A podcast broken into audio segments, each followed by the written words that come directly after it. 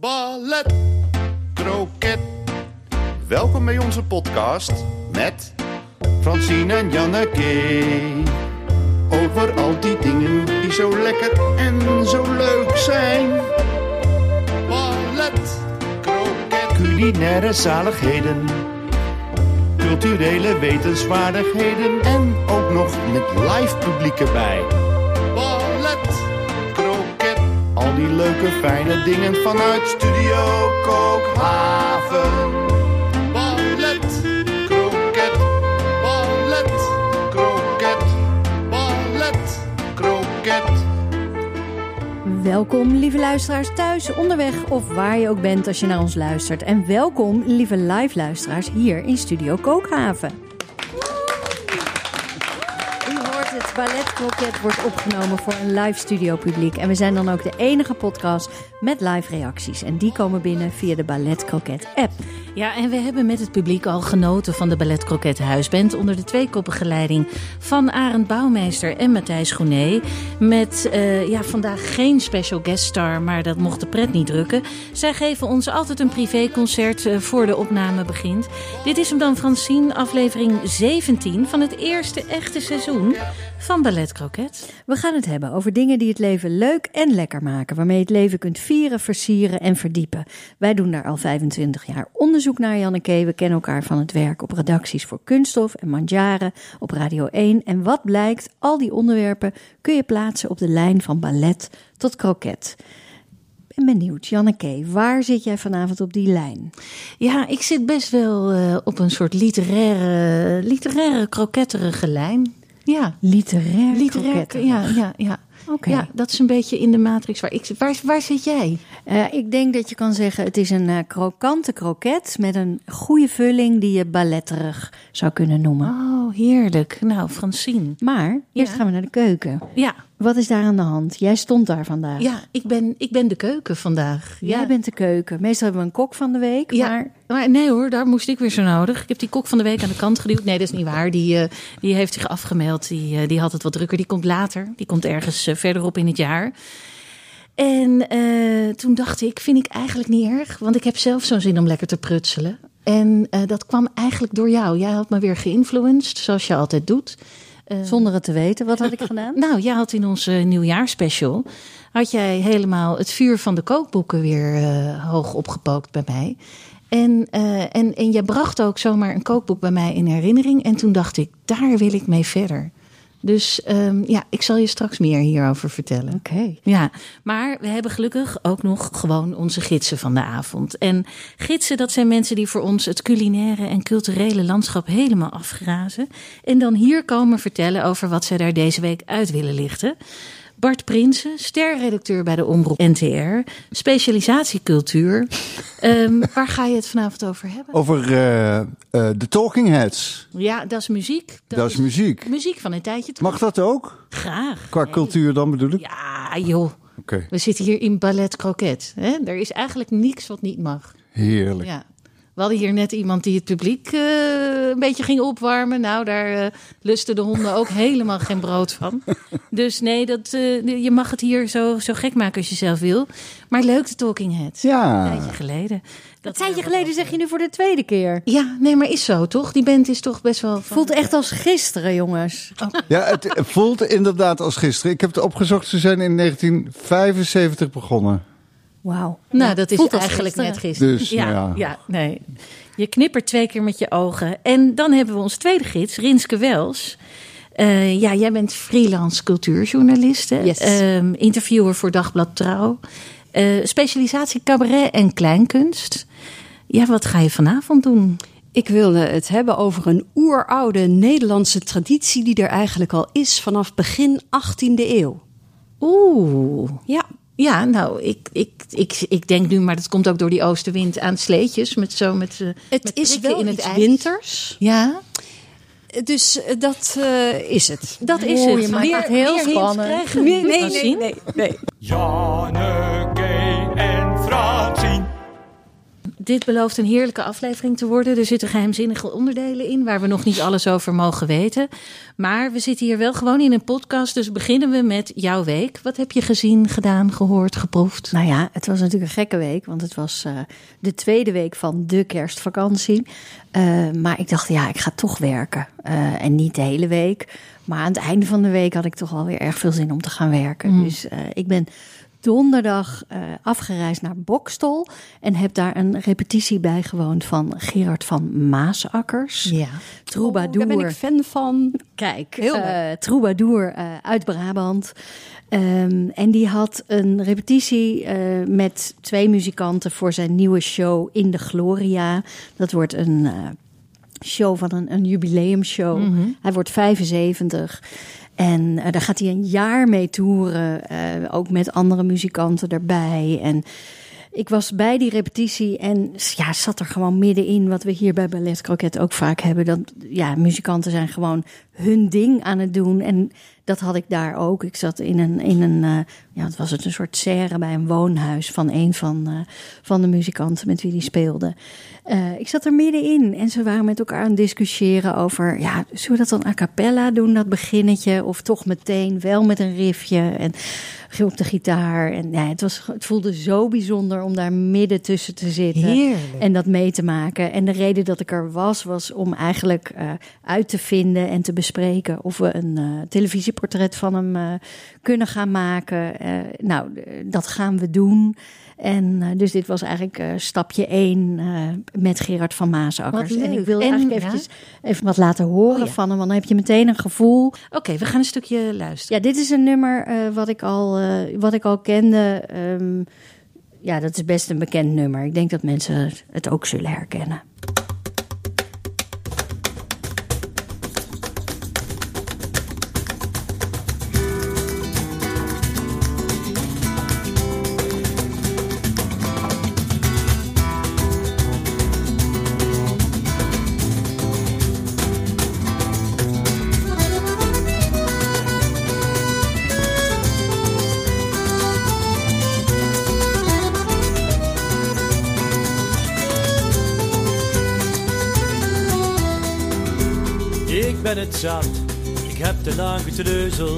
Veel te lang, veel te weinig gedaan. Altijd maar ja, maar altijd. Ach, lama, het is duidelijk, er moet zijn gedaan. Want de lucht zit nog vol dagen, dagen van nou, dagen van later. En dagen die gisteren kunnen dragen. Ja, de lucht zit nog vol dagen.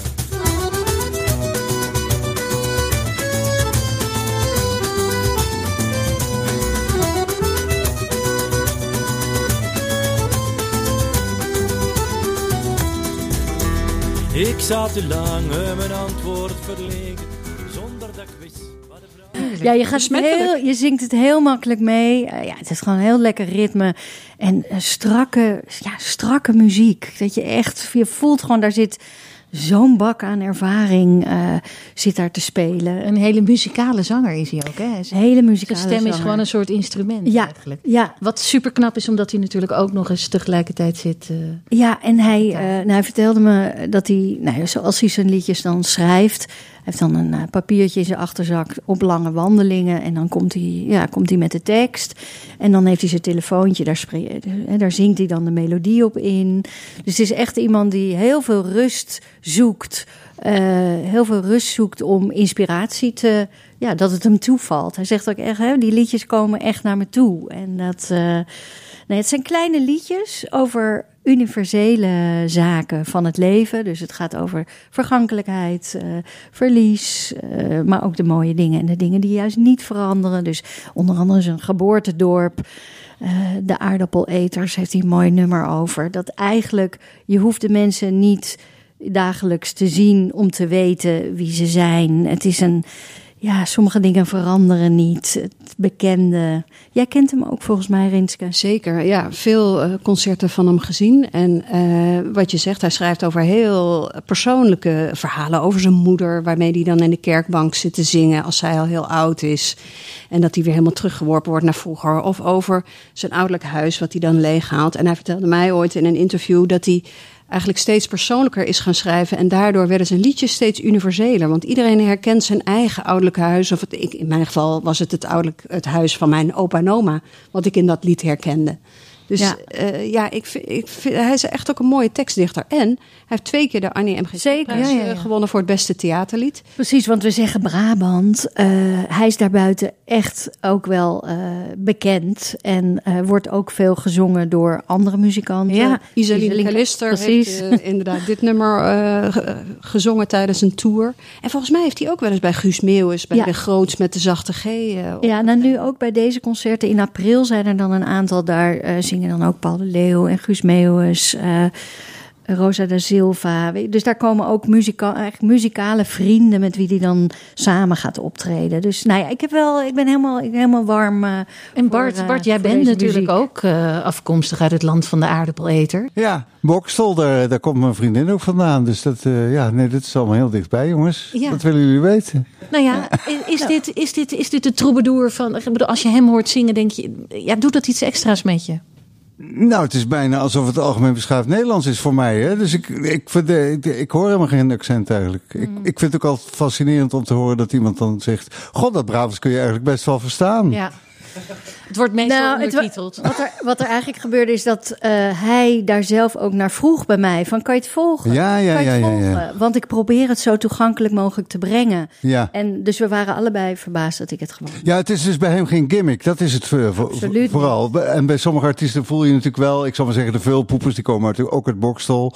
Dan was het echt een soort handelsmerk. Uh, of nee, Tilburg kwamen niet uit. Uh, of Hilverenbeek of zo. In ieder geval daar allemaal, uh, zit allemaal in dezelfde hoek.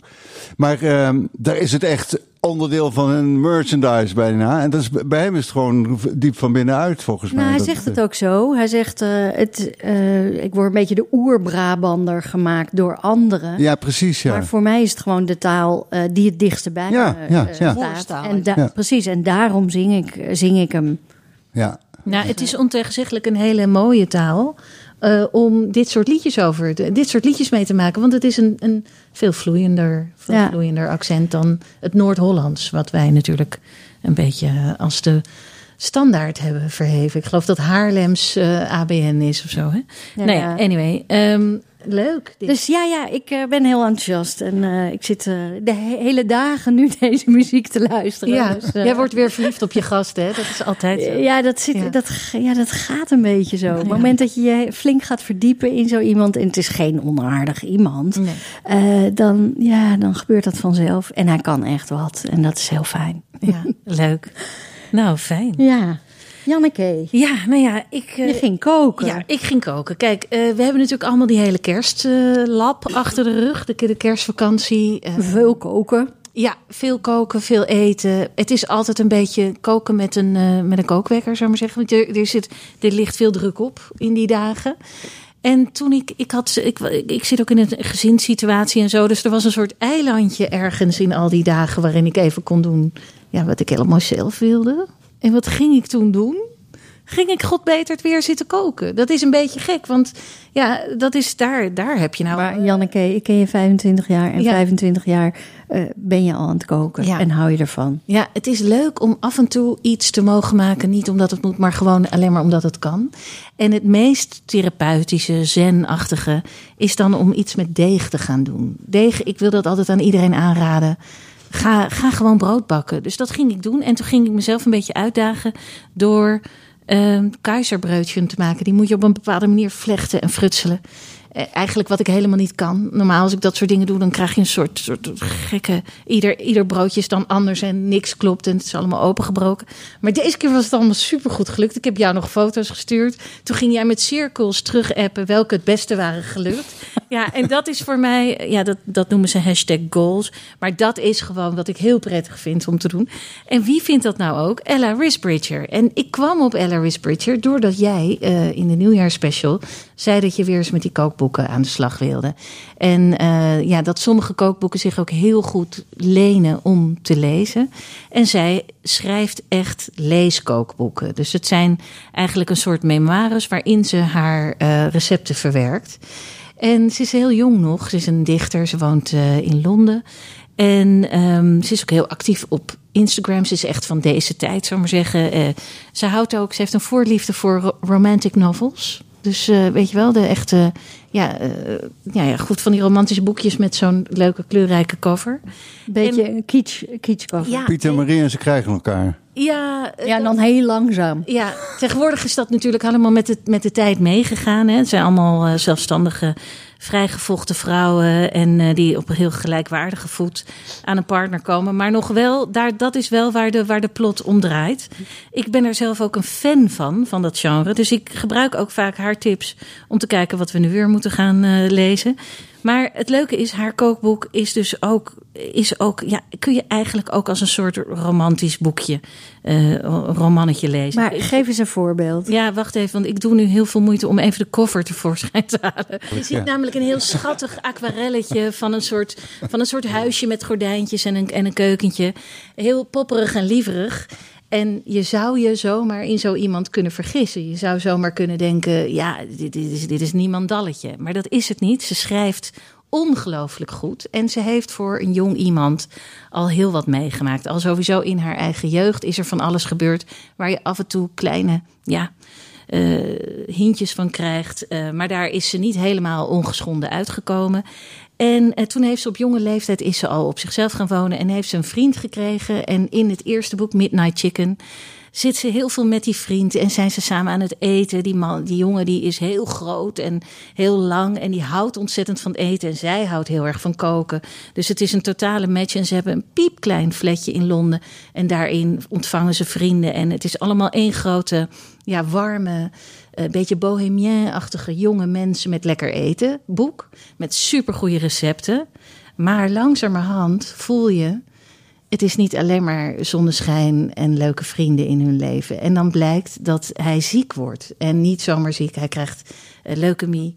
En moet uiteindelijk die strijd verliezen. En dat gebeurt allemaal in dat eerste kookboek. En de, de, de klap, de grootste klap, krijg je uitgedeeld als lezer in het nawoord. Eigenlijk als je het boek al helemaal uit hebt. En dan, nou ja, dan stromen de tranen over je wangen. En dan heb je dus ja, ik heb er ook gerechten uitgemaakt. Uh, de paté van de Lange Man is een heel lekker gerecht uit Midnight Chicken. uh, maar, maar het is ook een boek wat je gewoon op je nachtkastje kan leggen. En maar even, avond even hoe moet ik het me voorstellen? Want uh, als dit hele verhaal in dat eerste boek ja. verteld wordt... en hier uh, waarschijnlijk een heel ander verhaal. Hoe ja. zit het dan, die Hoe zit het in elkaar? Er dan nou ja, um, ze, ze, vertelt gewoon een soort ja, herinnering. Een soort, zie het als een soort dagboek. Ze neemt je mee naar bepaalde momenten. En dan vertelt ze ja, hoe, ze, hoe ze haar huis aan het inrichten is, hoe ze hem ontmoet heeft, dat soort dingen. En nu in dit deel 2, dat heet The Year of Miracles, helaas niet in het Nederlands vertaald, Midnight Chicken wel. Maar The Year of Miracles moet je gewoon in het Engels lezen. Um, ja, en daarin vertelt ze eigenlijk hoe ze na de dood van haar vriend weer opkrabbelt. En uh, zichzelf weer eigenlijk aan haar haren omhoog trekt, zeg maar. En zich weer ja, gelukkig kookt. Dat koken en eten blijft een hele belangrijke rol in haar leven spelen. Maar het, verwerken van trauma's ook. Dat het, was het al voordat haar vriend ziek werd.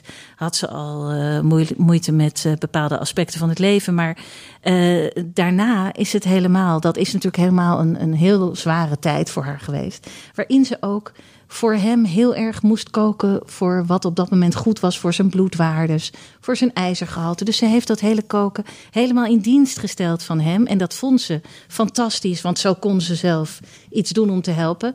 Maar als hij er dan eenmaal niet meer is en ze dat kleine flatje niet meer kan betalen en een ander in een ander huis moet gaan wonen met een andere vriendin en uh, eigenlijk zichzelf weer opnieuw moet uitvinden, moet ze ook haar hele koken weer opnieuw uitvinden. Want ze mag nu ineens alles maken wat ze zelf wil. Uh, ja, maar tegelijkertijd, ja, hoe, hoe vindt ze weer de wil om te koken? Nou, die, die verliest ze eigenlijk nooit. En ja, het is weer een heel meeslepend boek. Het is weer eh, terwijl het dus ook van die kleine schattige huiselijke dingetjes heeft. Ze gaat weer dat flatje inrichten, nu dan met die vriendin. En dan vinden ze weer stoeltjes, weet je wel, op een, op een marktje ergens. En uh, ze gaat op wandelingen. En ze gaat samen met een andere vriendin en nog iemand in een huisje aan zee zitten. En dan stormt het heel erg. En ondertussen haalt ze steeds herinneringen op aan het leven met haar zieke vriend. En aan uh, alles wat daar verder bij kwam kijken. En doet ook nog eens de pandemie zijn intrede. Dus krijgen we corona en uh, nou ja, hoe dat iedereen helemaal terugwerpt op zichzelf en op zijn eigen huishouden. En hoe moeilijk dat is voor jonge mensen die, die natuurlijk helemaal, ja, die hooguit één huisgenoot hebben, zoals zij. Nou ja, het is heel erg. Um, aanstekelijk. En het leuke is, uh, ik zei al, ze houdt van romantic novels. Ook hierin komt op een gegeven moment een nieuwe love interest, doet zijn intrede. Oh. Uh, gelukkig maar.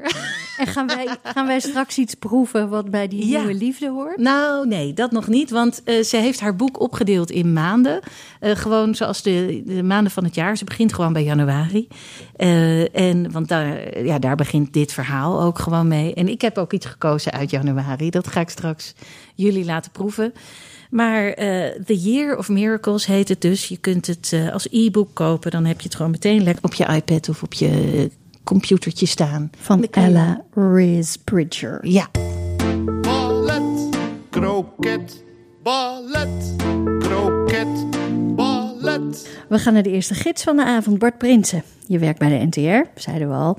Programma's over cultuur, muziek. En je trekt een nieuwe oude film uit het blik. Nou ja, ik, dat, was, dat vond ik dus echt geweldig nieuws. Dat, dat de Stop Making Sense, de, de film die van 40 jaar geleden van de Talking Heads uh, uh, opnieuw is uitgebracht, maar nu in 4K, zoals dat dan heet. Dus in, in, in onberispelijke kwaliteit. Mm. Opnieuw in de bioscopen komt. En ik dacht, hè, maar wat, hè, hoe zat het ook alweer? Ik heb toch pas van David Byrne, dat is zo heet de zanger van uh, Talking Heads, uh, een film gezien. En ik moest het echt even graven. Maar Spike Lee heeft dus uh, vier jaar geleden een film gemaakt, American Utopia. En dat gaat helemaal over David Byrne. En dan dat je, je, je ziet ook een paar dingen uh, over Byrne. Dat hij, dat hij door New York fietst. En, uh, want het is een hele fanatieke stadsfietser. David Byrne is sowieso iemand waar je ongelooflijk jaloers op bent in alles wat hij doet. Want hij schrijft geweldige nummers en hij is heel erg slim. En hij schrijft ook nog boeken en dan fietst hij ook nog door de stad. En, en al die dingen doet hij allemaal perfect, weet je wel. Dat is ontzettend vervelend.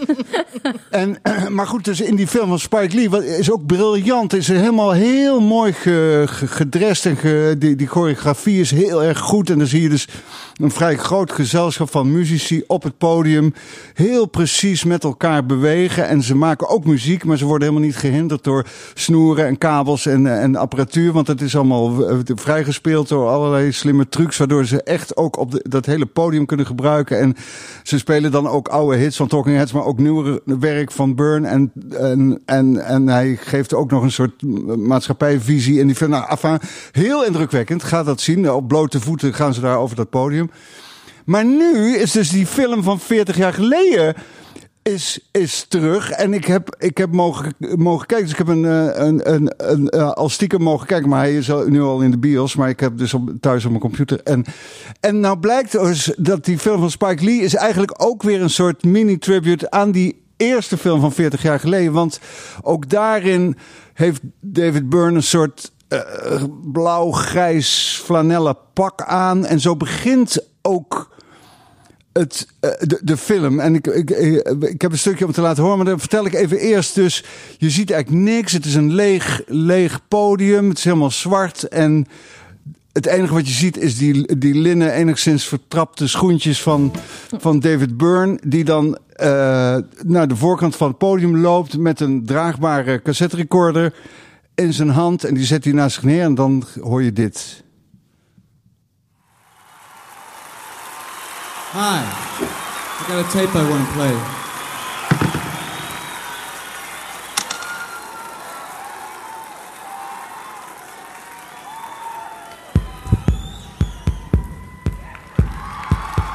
Tikt een beetje met zijn voet.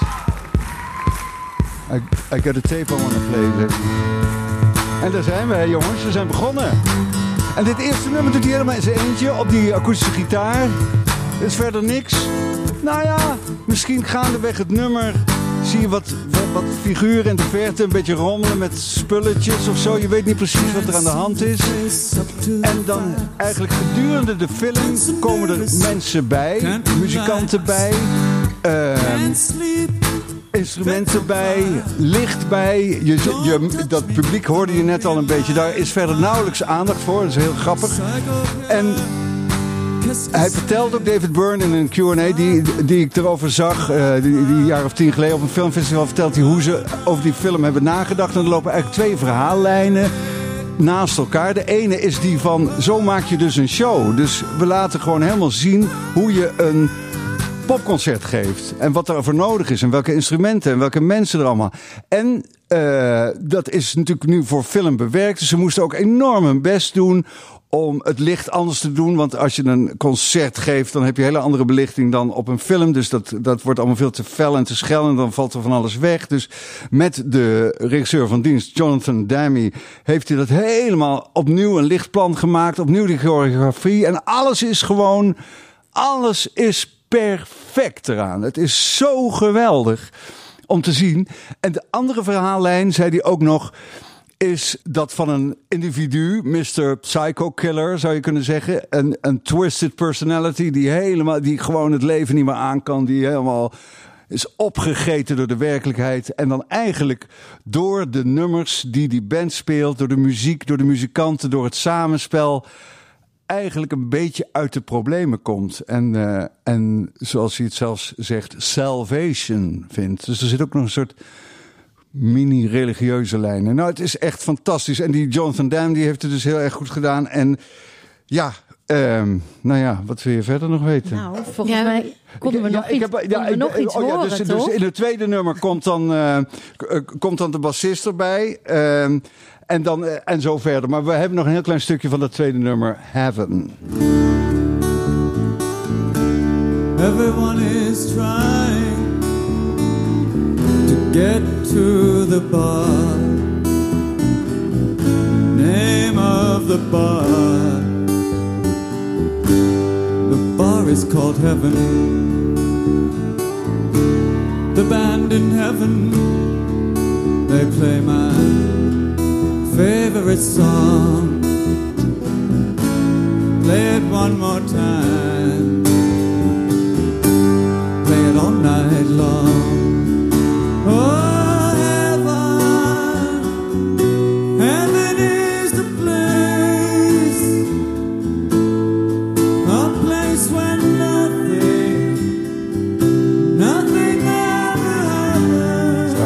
Zien. Het is echt, echt, echt, echt zijn nog fantastisch. eigenlijk. Nee, nee, nee. David Byrne dus wel. Ja. Maar, maar de Talking Heads zijn nog wel teruggekomen, volgens mij in de vroege jaren 2000, zeg je dan geloof ik.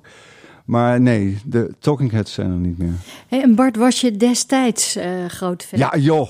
Helemaal. Je hoort, als, je die, als je die eerste noten van Psycho Killer hoort, dan dat, dat is toch een.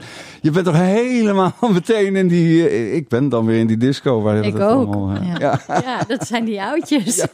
maar het zijn ook twee geweldige nummers die je nog heel vaak terugziet. In montages, in films, uh, series, noem maar op.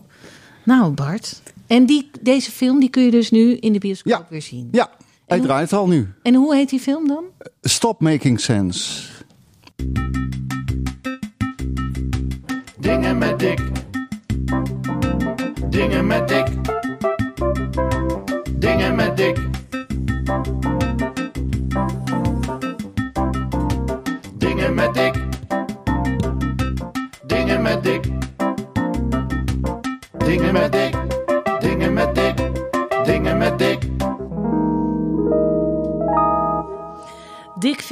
Aangeschoven en dat betekent reclame, want Ballet Croquet is een onafhankelijke podcast en wordt mede mogelijk gemaakt door de sponsoring van een paar fantastische merken.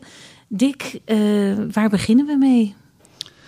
Uh, Bart jaloers maken. Ja, goed plan. Ja, ik was erbij bij het concert, 20 jaar geleden, live. Ik stond er. Oh, echt? maar uh, dat niet tegenstands. Nee. wat we gaan doen is Hermit En uh, ook iets uh, in hetzelfde fenomeen als het concert. We nou, doen namelijk morgen een bar takeover in, op de rij bij de ja. Horecava.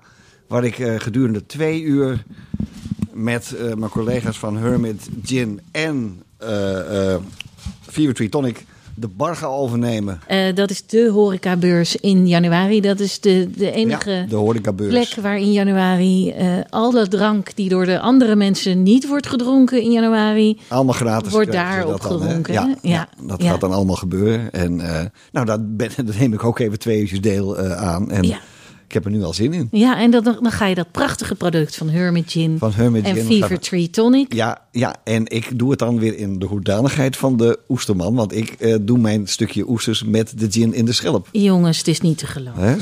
Fantastisch. Wat, wat Don Ostra zal de Don Ostra, die, die, zal schitteren uh, twee uur lang uh, met Hermit Gin en oesters.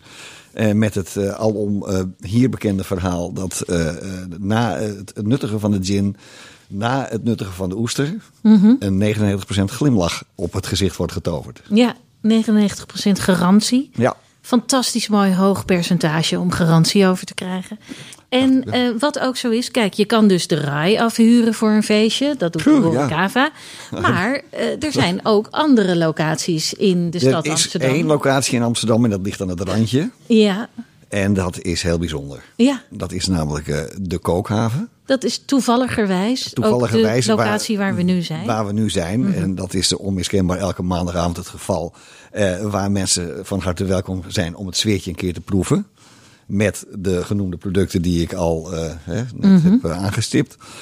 En uh, je kan het ook afhuren voor uh, al je culinaire uitspattingen. Je kan er een feestje geven. Je kan, het, uh, je kan er ook stil gaan zitten en voor je uitkijken. Het is net wat je wil. Nou, het is fantastisch. En het leuke is voor de luisteraars van Ballet Croquet. Je vindt al onze sponsors in onze show notes. Je kan er met één klik naartoe. Bijvoorbeeld naar kookhaven.nl of donostra.nl. Hermit Gin, Gal en Gal. daar kun je dat kopen. Fever Tree Tonic. Um, en er zijn best veel mensen die ook graag willen adverteren in Ballet Croquet.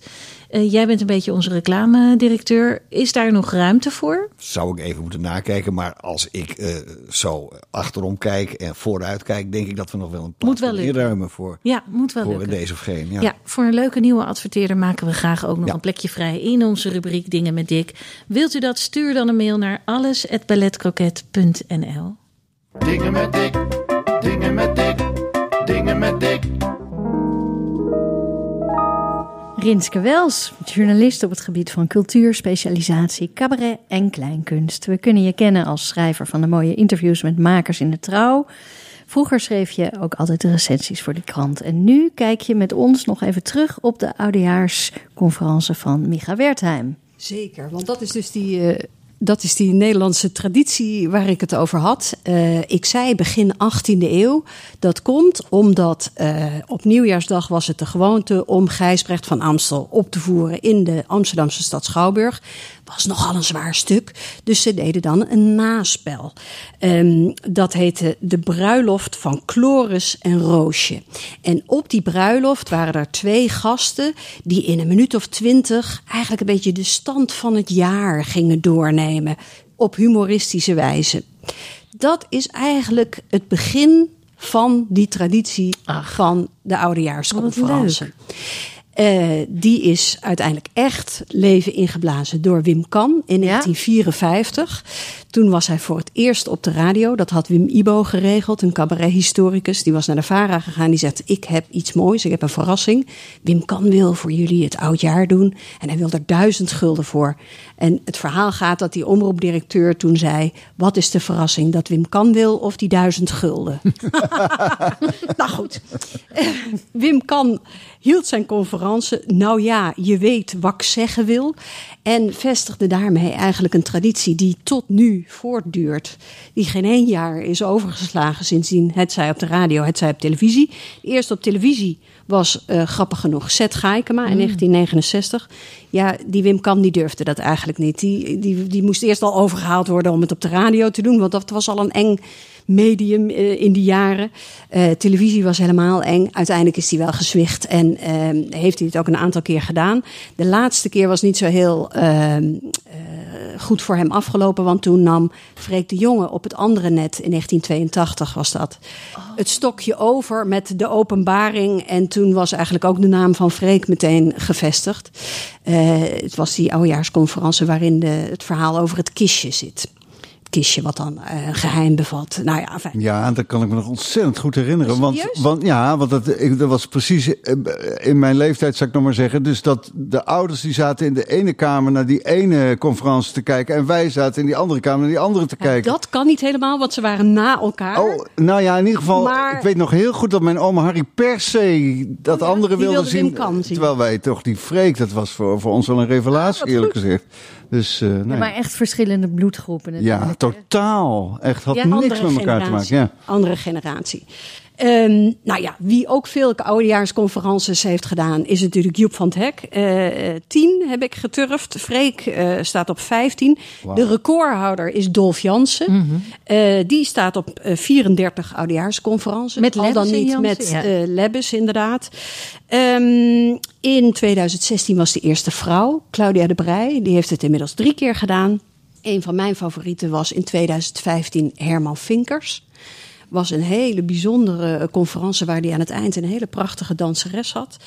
Um, en zo zijn er wel vaker mensen die dus eigenlijk maar één keer komen. En dat was ook Micha Wertheim. Die was dit jaar voor het eerst. Uh, iedereen in de cabaretwereld uh, trok zijn wenkbrauwen op. Micha Wertheim is niet een cabaretier die geschikt is voor de massa, zal ik maar mhm. even zeggen. Het is echt ja, uh, iemand die houdt nog van even nadenken, uit. intellectueel, uh, ironisch, stekelig, stekelig, ook ook, um, uh, pesterig in ontregelend, in, in ontregelend ja, met het genre. Hij zet je altijd op het verkeerde altijd. been. Hij heeft zelfs een keer een voorstelling gemaakt die heet uh, Ergens Anders. Daar was hij gewoon helemaal niet aanwezig. Daar was een robotje en de stem van Jelly Brouwer die uh, het allemaal op gang hielp. En dan moest het publiek zelf de voorstelling maken. Terwijl Micha gewoon thuis zat. Nou, boze mensen boze weglopen, mensen, uh, ja, geld die wilden hun geld terug. Daar was ja. hij wel van geschrokken. Toen heeft hij een voorstelling gemaakt waarin hij die voorstelling ging uitleggen. dat was ook wel weer heel geestig. Ja. Um, en nu was er dus die, die oudejaarsconferentie. Ja, iedereen dacht, nou ja, wat Maar iedereen, wat dacht jij, Rinske? Nou, ik dacht, wat kunnen we verwachten? Want ik wist, hij heeft in coronatijd een voorstelling gemaakt... Uh, die ook al speelde met, met Benneker, Benneker niet. Met op, opgenomen gedeeltes vooraf. Je wist eigenlijk niet precies waar je naar keek. Ik was daar ingetuind. Want je zat voor je eigen televisie. Ja. En je dacht dat jij in een Zoom zat. Ja. Met precies. alle andere kijkers die op dat moment. Nou ja, het was. En dat bleek allemaal nep. Ja. ja. Maar je vroeg je af, wat, gaat, wat, wat kan hij nu... Wat kan hij doen? En het is ook niet iemand die heel erg op het nieuws zit. Dus wat bij een oudejaarsconferentie natuurlijk gebruikelijk is... is mhm. dat er wordt gekeken naar het jaar. Wat was het voor jaar? Uh, welke hoogtepunten, welke dieptepunten? Nou, dat stipt Micha wel aan in zijn uh, conferentie voor twaalfen. Maar hij zit ja, wat mij betreft meer op de tijdgeest. Hij had een enorme uh, uitbarsting over het uh, gebruik van uh, schermpjes. Schermpjes, ja. inderdaad. en ja, dat, dat was eigenlijk meer wat het was. Het Daarin was, was hij eigenlijk een klassieke dominee. Hè? Dat was echt Bijna een breed. wel. Ja. ja. En dat had hij dan versneden met beelden van zichzelf als een soort gereïncarneerde Wim Kan en een gereïncarneerde uh, Vergeet de Jongen. Inderdaad. Uh, ik zag een try-out ergens half december. Toen uh, zat hij niet in een tiny house, maar wel in een huiskamer. Belde er ook iemand aan voor een pakje, maar dat was dan niet Victor Mits. Keek hij wel al naar zichzelf in andere hoedanigheid met een snor in een heel ander decor met een smoking aan. Ook heel klassiek eigenlijk. Ja. Dus dat was het. was heel erg een droste effect. Ja, stonden ook droste blikjes in het decor. Ja.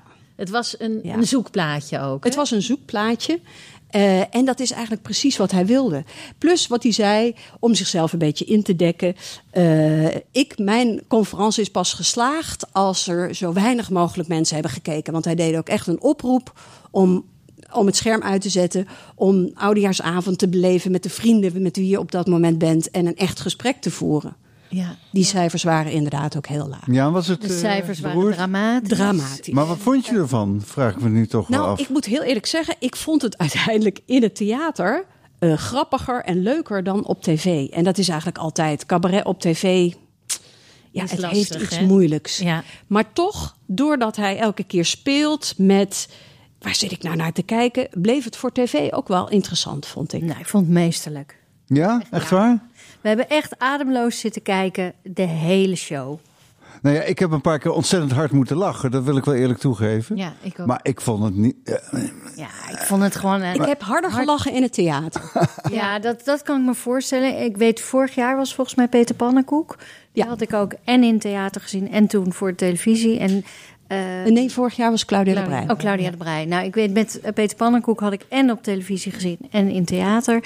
En voor televisie heb je een heel ander soort concentratie. Zeker op zo'n avond als je met een heleboel mensen zit te kijken. Maar ja, ik zat in ieder geval nu in een gezelschap. We hebben ademloos uh, zitten kijken. Mm. Ja, het is natuurlijk meesterlijk hoe die je toch weer op het verkeerde been zet. En, en je ook iets probeert mee te geven. Jij zei dominee. Ja, dat is natuurlijk ook die, die freak. Ja, dat is het was ook altijd een dominee. Ja.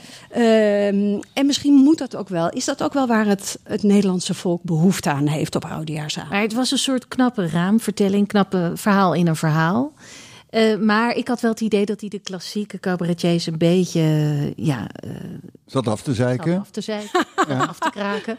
Want hoe die, ja, hoe die freak nadeed. Ja. En dan, en dan zo'n volksmanner. Ik vond het wel fantastisch gesneden dat dan op een gegeven moment de hele zaal van de rivier tot aan de zee zat te zingen. Een meezinger. We, we, weten ja. niet wat daar aan vooraf ging. We weten niet wat erna kwam. Maar je, je ziet ineens de gekte van zoiets als, als zo'n oudejaarsconferentie. Maar um, je kan dit natuurlijk ook maar één keer doen. Je kan maar, je kan maar één keer zo'n pastiche maken eigenlijk. Ja, daarom verwacht ik niet dat Micha Wertheim ooit nog een oudejaarsconferentie... Nee, en is het een tough act to follow? Uh, wil, wil volgend jaar een ander zich hier nog wel weer aan branden? Ik denk dat er genoeg uh, staan te trappelen. Uh, iemand als Pieter Derk zou bijvoorbeeld ook heel geschikt zijn. Die heeft wel eens in het klein een oudejaarsconferentie gedaan en in het theater. Uh, iemand als Jan Beuving, daarvan weet ik dat hij een oudejaarsconferentie gaat maken. Maar is misschien nog niet bekend genoeg bij het grote publiek. Want ik denk wel dat ze bij BNN Vara nu denken: nu moet er weer een grote naam. ik denk ja, Claudia zal het. Het is te kort uh, erop, want het is echt een, een, een, zware taak. Je, moet, je staat het hele jaar aan. Ja. Weet ik van cabaretiers die hem gedaan hebben. Dus uh, ja, en, en Joep is ermee opgehouden. Ja. ja, wie blijft er dan nog over? Misschien toch Peter Pannenkoek weer eens? Ja, de jonge generatie. En wat meer vrouwen zouden we wel willen. Oh ja, nou, er was een vrouwenjaars van Jora Rienstra en allemaal uh, uh, dames. Die hebben in Klein Bellevue gespeeld en in de Verkadefabriek in Den Bosch. Zoiets zou ook nog kunnen. Mm -hmm. Ja. Denk je, hij bestaat nu heel lang, sinds 55, zei je? 54. 54. Ja. Kan die 70 jaar dit jaar, dus het is ook nog eens een kroonjaar, oh. jongens. Ja, ongelooflijk. Maar zie je ook nog, zitten er ook nog 70 jaren in het vat voor de oudejaars? Ja, wat is er leuker dan het oudjaar afsluiten met een humoristische blik op het jaar? En dan het liefst inderdaad nog met een troostende boodschap. Ja. En Rinske, kijk jij hem altijd live? Nee. Ah. Ik had hem opgenomen. Oh, maar dat was ook omdat ik hem al in het theater had gezien. Ah, ja. nee, ik heb hem ook de volgende dag, want die avond zelf heb ik geen concentratie. Nee, en, Micha wil dat. En wij moesten sjoelen. En, uh, dus dat is ook allemaal We zaten met elkaar over literatuur te praten. Overigens, muziek te maken. Als er nog tijd is. Er zijn ook stukken uitgegaan. En wat ik in het theater hilarisch ja. vond, was een soort uh, ja, aanval pastiche op Marcel van Roosmalen. De alomtegenwoordige journalist die niet alleen een column heeft hier en daar... maar ook uh, een talkshow met Gijs Groenteman. En uh, ja, die fileert hij zo geweldig. Ja, er staan op YouTube een paar... Uh, deleted scenes. Deleted scenes. Ja, deze moest helaas sneuvelen, maar is dus wel op YouTube gezet. Oké, okay, daar gaan we. En als we allemaal straks zelf mogen bepalen welke oudejaars we willen zien dan weet ik zeker dat, dat, dat nou meer dan de helft, laten we zeggen 70% van het Nederlandse volk zal zeggen... dan wil ik Marcel van Roosmalen zien. Acht uur lang Marcel van Roosmalen, die optreedt in een zaal met 20.000 stoelen... met op iedere stoel Gijs Groenteman, die als een soort blaasbal lacht om alles wat hij zegt. Marcel. Die is toch populair? Hè? En voor de mensen die Marcel van Roosmalen niet kennen... Marcel van Roosmalen is een verdienmodel. Hij, is, uh, hij, hij, is, hij begon als schrijver, hij had een column in NRC... en hij kwam op een gegeven moment achter dat zijn column in NRC... veel meer aandacht kreeg als hij mensen uitmaakte voor hypocriet en dom. Dat, dat is uh, wat Marcel van Roosmalen op een gegeven moment ging doen. En, en hoe meer mensen die uitmaakten voor hypocriet en dom... eerst waren het voetballers, nou, dat was niet zo moeilijk. Toen politici, nou, nog makkelijker om die hypocriet te noemen... want die hebben idealen en die willen iets. En, en, en, en links en rechts en op een gegeven moment ook leraren en politieagenten. Iedereen die die bespreekt is hypocriet en dom. Op internet heet zo iemand een troll. Maar bij NRC Handelsblad heet zo iemand een opiniemaker. Nou... Nou, je denkt dat het hierbij uh, afgelopen is, maar hij gaat nog door en door en door. Uh, ja, het is. Uh, maar dat is ook het soort ja, het meesterschap van iemand als Micha Wertheim. Zeker. Hij kan ook al die grappen op de lach maken. Hij kan ook alle hoge heren overal aanpakken. Absoluut. Het Maar is hij kiest behalve ervoor- een ontregelaar ook nog een hele goede grappenmaker. Ja, ja.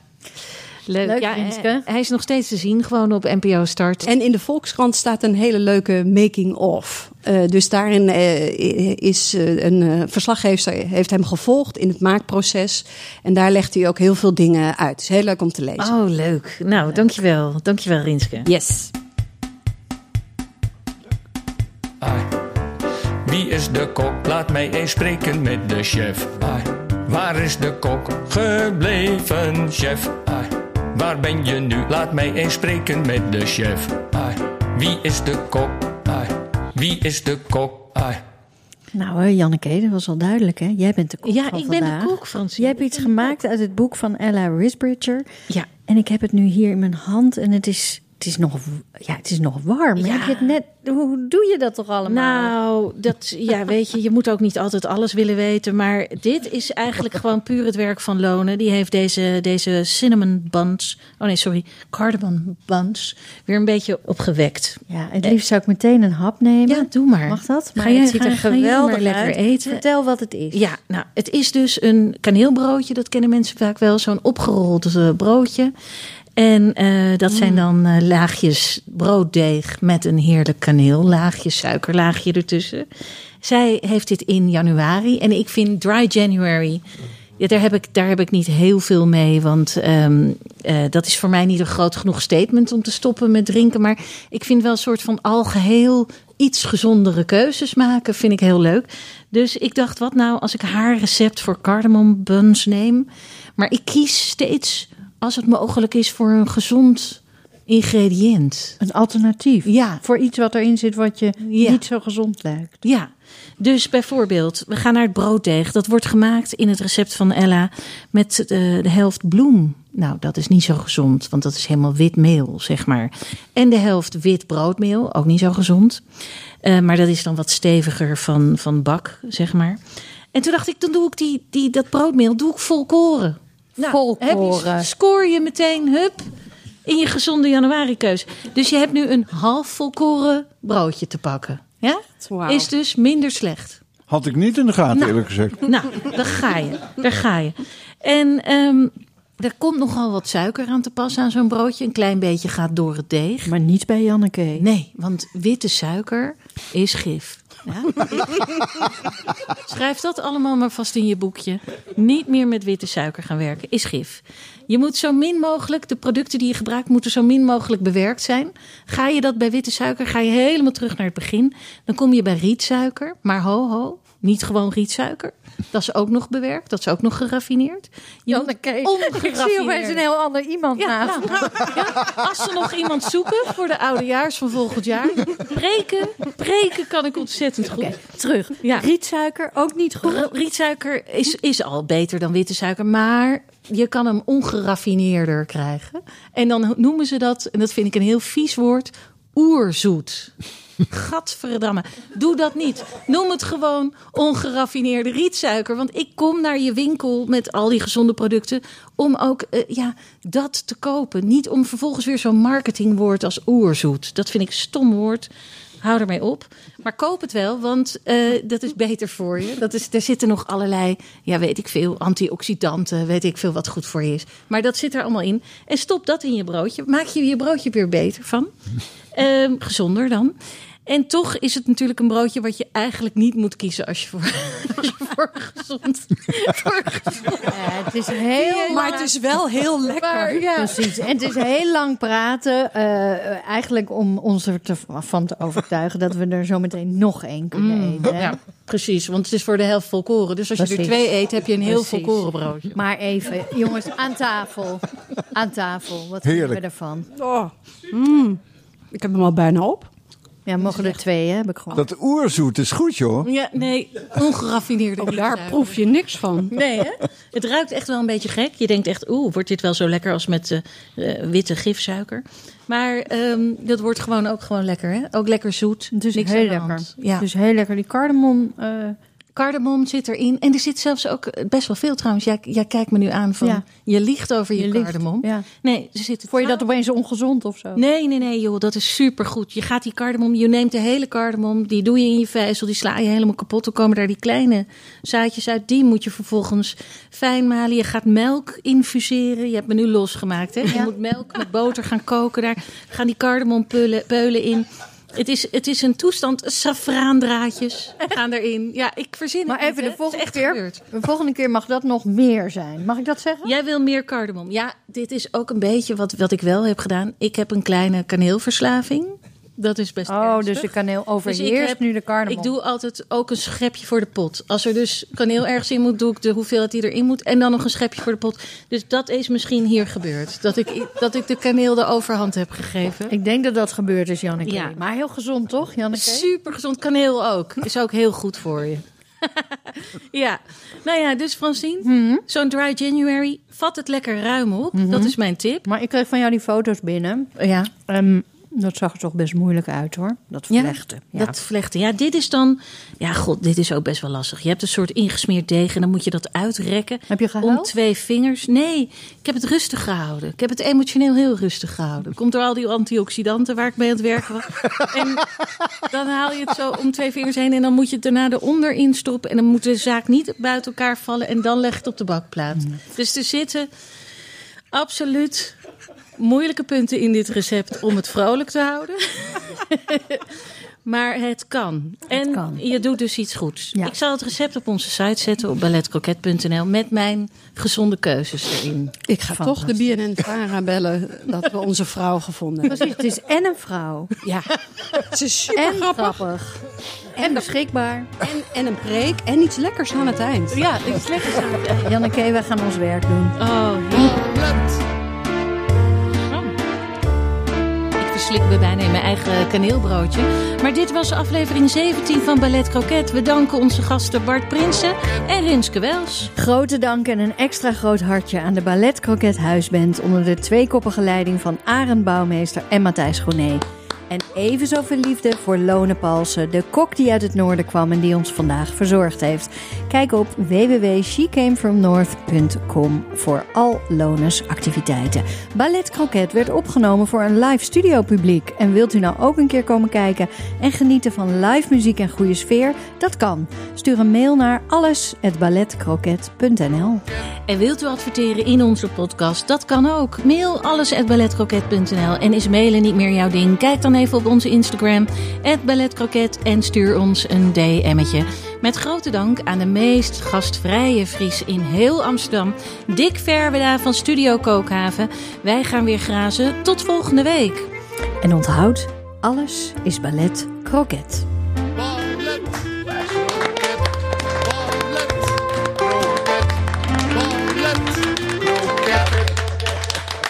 Zo, kroket.